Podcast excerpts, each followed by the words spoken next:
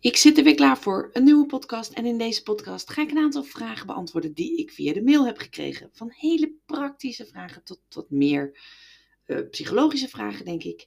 Om het zomaar uit te leggen. Maar dat ga ik zo meteen doen.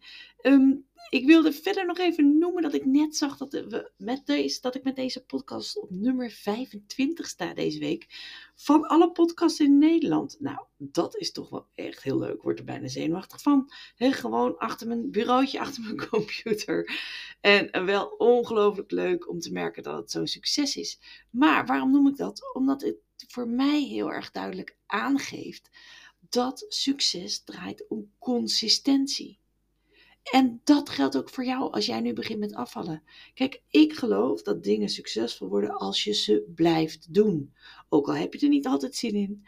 Ook al heb je, weet je niet altijd precies hoe of wat. Hè, maar het gewoon blijven doen. Dat heb ik gedaan met de podcast afgelopen jaar. Iedere week in ieder geval twee afleveringen. En soms wat meer, zoals deze week. Maar daar draait het om. Weet je, doorgaan als anderen stoppen. En daar draait het voor jou om. Dus ik weet niet hoeveel Nederlanders zijn begonnen met goed voor zichzelf zorgen, met goede voornemens, met willen afvallen. Weet je, en dat is mooi, want de intentie is belangrijk. En je moet het willen, weet je, anders verander je niet. Dat is allemaal 100% waar. Maar uiteindelijk gaat het om doorgaan waar jij eerder stopte. Dus als je vorig jaar na twee weken stopt, neem je nu voor om door te zetten. Als anderen stoppen, ga door. Het gaat om consistentie, consequent toepassen. En natuurlijk gaat het ook om inhoud. Natuurlijk gaat het ook om de goede dingen doen. Ik bedoel, je kunt wel consistent ermee bezig zijn, maar als je toch nog steeds te veel eet, omdat je niet weet ehm, dat er heel veel. Uh, ik, ik noem een voorbeeldje. Vroeger dacht ik altijd om af te vallen moet ik veel salades eten. Want hè, dat doen alle slanke mensen van die salademeisjes. Maar ja, ik gooide in mijn salades uh, croutons, feta, olijfolie, weet ik veel allemaal. Ja, daar zit hartstikke veel calorieën in. Dus mijn salades waren niet uh, lichter dan een maaltijdje van aardappels, vlees en groenten bijvoorbeeld. Dus je moet wel de goede dingen doen. Je moet wel weten wat je doet. Maar uiteindelijk draait het om consistentie, om blijven doen. Daarover ga ik het dus niet hebben, dat heb ik nu al verteld. Maar ik ga nu wel beginnen met de podcast waarin ik de vraag beantwoord.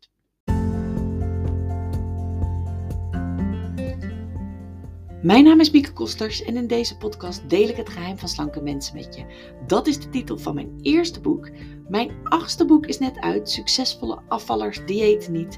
En ik geef ook trainingen, waarvan mijn key-programma, het complete programma waarin je echt duikt in de psychologie achter je eetgedrag, waarin je eigenlijk alle inhoud die je hier in de podcast hoort gaat verdiepen en toepassen. Dat programma start vanavond om 8 uur. Dus alleen vandaag tot 8 uur kun je je daar nog voor aanmelden. Klik op de link onder deze podcast of ga naar mikkekosters.nl. Dan ga ik beginnen met de vragen.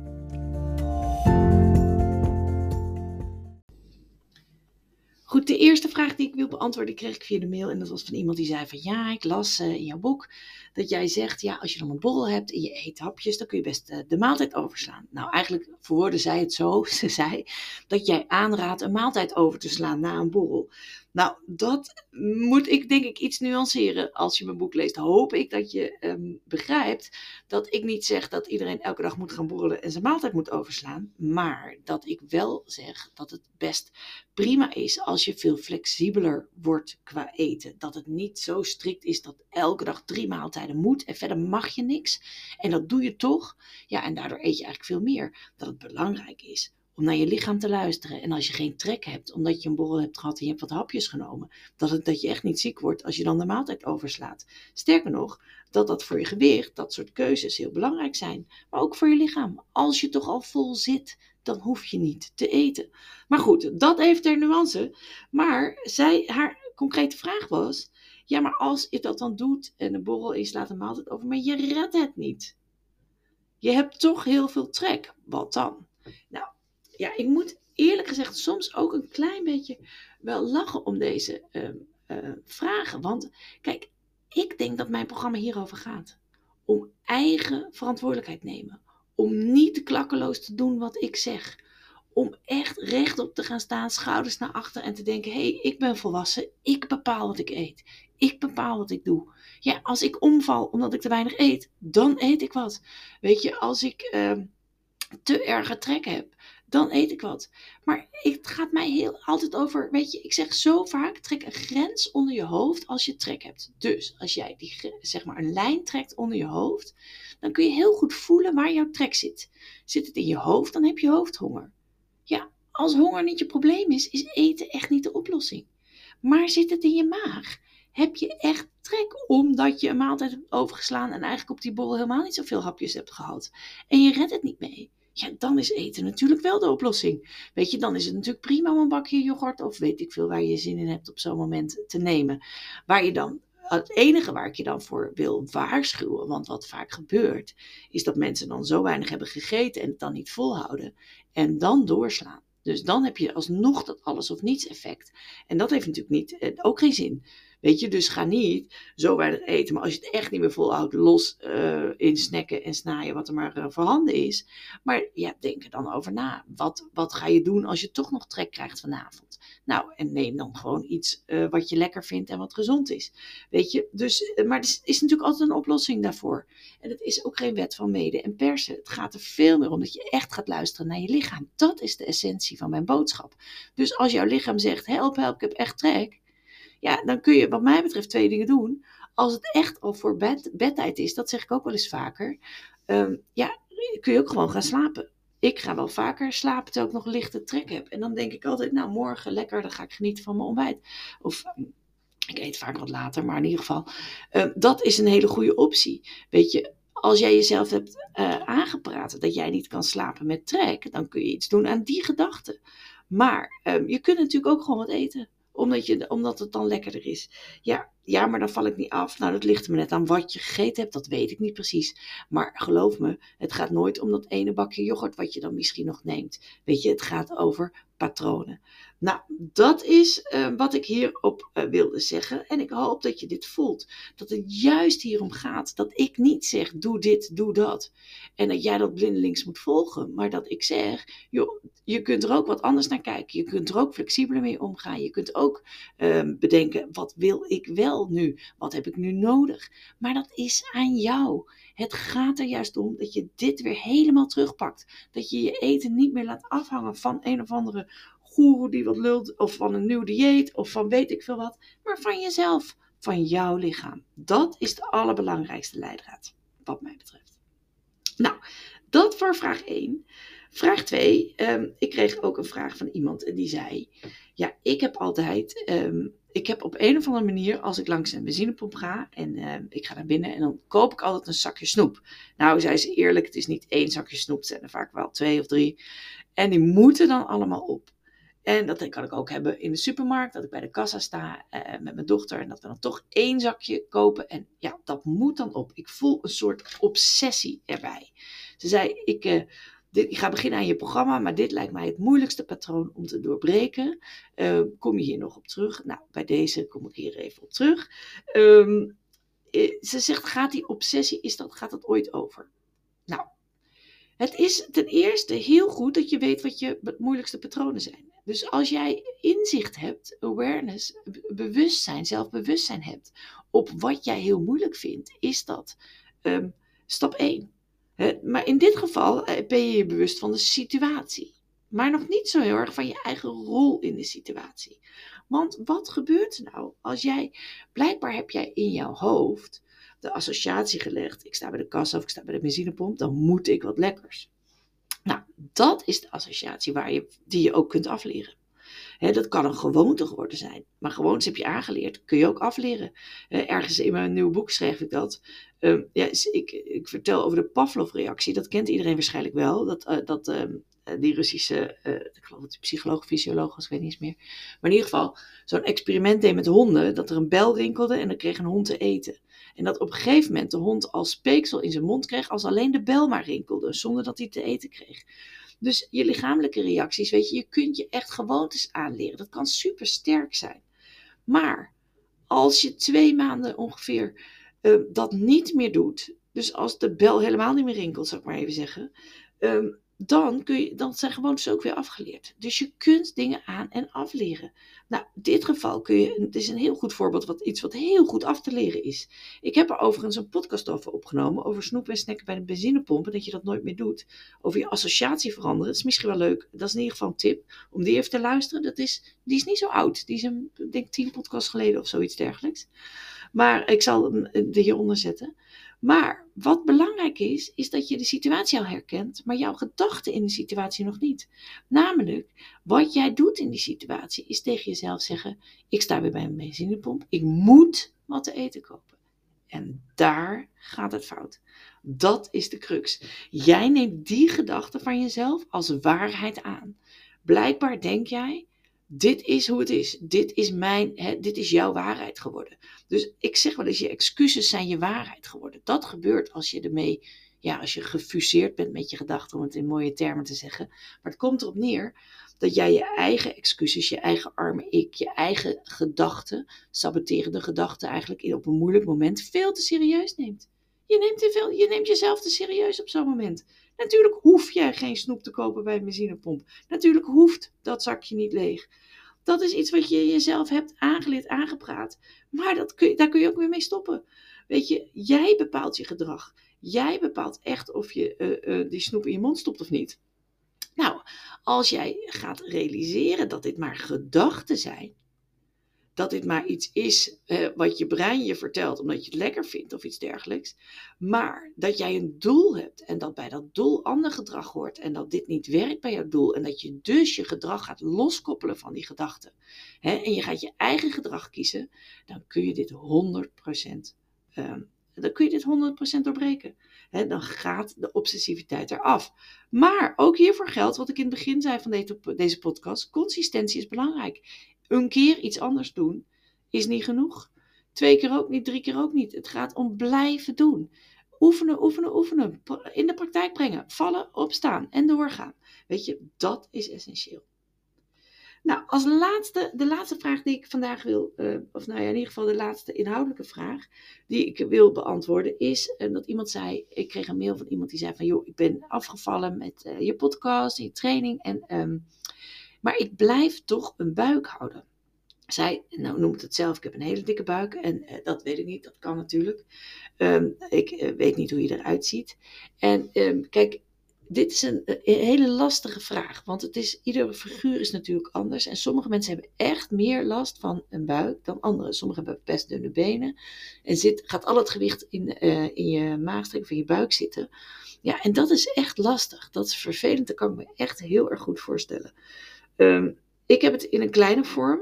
Dus ik uh, weet wel, ik ben slank nu, maar ik hou altijd een klein beetje een buikje. buikje. Maar ja, dat is wel zo klein dat het prima uh, weg te moffelen is. prima te camoufleren is met, uh, met kleding. En ik weet ook in de praktijk dat als ik nog veel meer afval, die buik uiteindelijk wel weggaat. Maar dat wil ik niet. Dat heb ik er niet voor over. Kijk, ik hou van mijn levensstijl nu en van lekker eten. En af en toe gezellig wijntjes drinken, et cetera. Uit eten gaan ja, dan neem ik dat in mijn mini-buikje wel op de, op de koop toe. Maar goed, als het niet een mini-buikje is, maar een grotere, dan wordt het moeilijker. Maar toch blijf eigenlijk, weet je, je hebt altijd de keus. Veranderen of accepteren of weggaan. Nou, dan zo op een, waar je ook maar in zit, wat er ook maar speelt. In die end zijn dit de keuzes die je hebt. Dus wil je die buik veranderen? Nou, dan zal je echt nog veel meer moeten afvallen. Dan zullen mensen het echt gaan zien. Dan zal het kleiner worden en dan zul je het kunnen wegmoffelen. Dat is één. Het tweede is, um, als dat niet werkt, als je zegt ja, maar afvallen werkt echt niet. Ik denk namelijk dat in eerste instantie je angst dat het niet werkt groter is dan, dan de werkelijkheid. Dus wat, wat ik daarmee wil zeggen is, wat ik heel vaak heb, is dat mensen beginnen met afvallen en die zeggen ja, maar um, als ik nu nog verder ga, hou ik dan niet los vel over? Of hou ik, hè, hou ik die buik? Of krijg ik dan niet te veel rimpels bijvoorbeeld? Dat soort dingen. Nou ja, je, je krijgt wat meer rimpels, dat klopt. En als je heel veel wil afvallen, kan je los vel krijgen. En, maar zeg maar, heel vaak is de angst daarvoor groter dan de werkelijkheid. Zo snel heb je dat niet. Dan moet je echt heel veel moeten afvallen, wil je last krijgen van los vel bijvoorbeeld. Maar goed, dus de vraag is bij jou, is het niet gewoon je angst? Dat je bang bent, dat je al die moeite doet en dat je buik blijft. Dat je... Um, Dat, en dat dat ook een klein beetje een saboteur is. Dus dat dat ook een klein beetje um, een excuus is van misschien vind je het moeilijk, misschien vind je het lastig om door te zetten. En dan maak je deze angst heel groot, want dan is het logisch dat je niet doorgaat. Ik weet niet of het zo is, maar ik wil hem wel noemen, omdat het wel een mogelijkheid is. Dus maak de angst niet te groot, zeg maar. Laat je niet leiden door angst. Misschien kan ik het beste zo uitleggen, in welk opzicht dan ook. Ga het gewoon aan en merk je dat het niet genoeg doet, of dat je te veel rimpels krijgt, hè? even een ander voorbeeld erbij, dan kun je natuurlijk altijd stoppen. Maar voor rimpels en wellicht ook voor die buik zijn ook nog wel weer andere mogelijkheden. dan kan je ehm, ehm, kijken wat je op een andere manier, hoe je op een andere manier ermee om kan gaan natuurlijk. Ik bedoel, dus, daar gaat mijn podcast niet over, maar er zijn talloze over. Maar goed, ik weet niet of, of er iets op een andere manier te doen is. Als het om los vel gaat, kun je opereren bijvoorbeeld. Maar goed, dit is in ieder geval wat ik je uh, wil zeggen. Maar wat de tweede optie, en die is denk ik in dit geval helemaal niet onbelangrijk, is accepteren is accepteren dat dit ook bij je hoort. Dat dit jouw figuur is. Dat jij misschien een ander figuur hebt dan een ander. En dat jij misschien iets meer buik hebt dan een ander. Weet je, als je echt afvalt, dan, ja, dan vraag ik me toch af hoeveel buik er werkelijk overblijft. Dus als je doorzet, ja, dan is uiteindelijk het laatste stapje wellicht accepteren.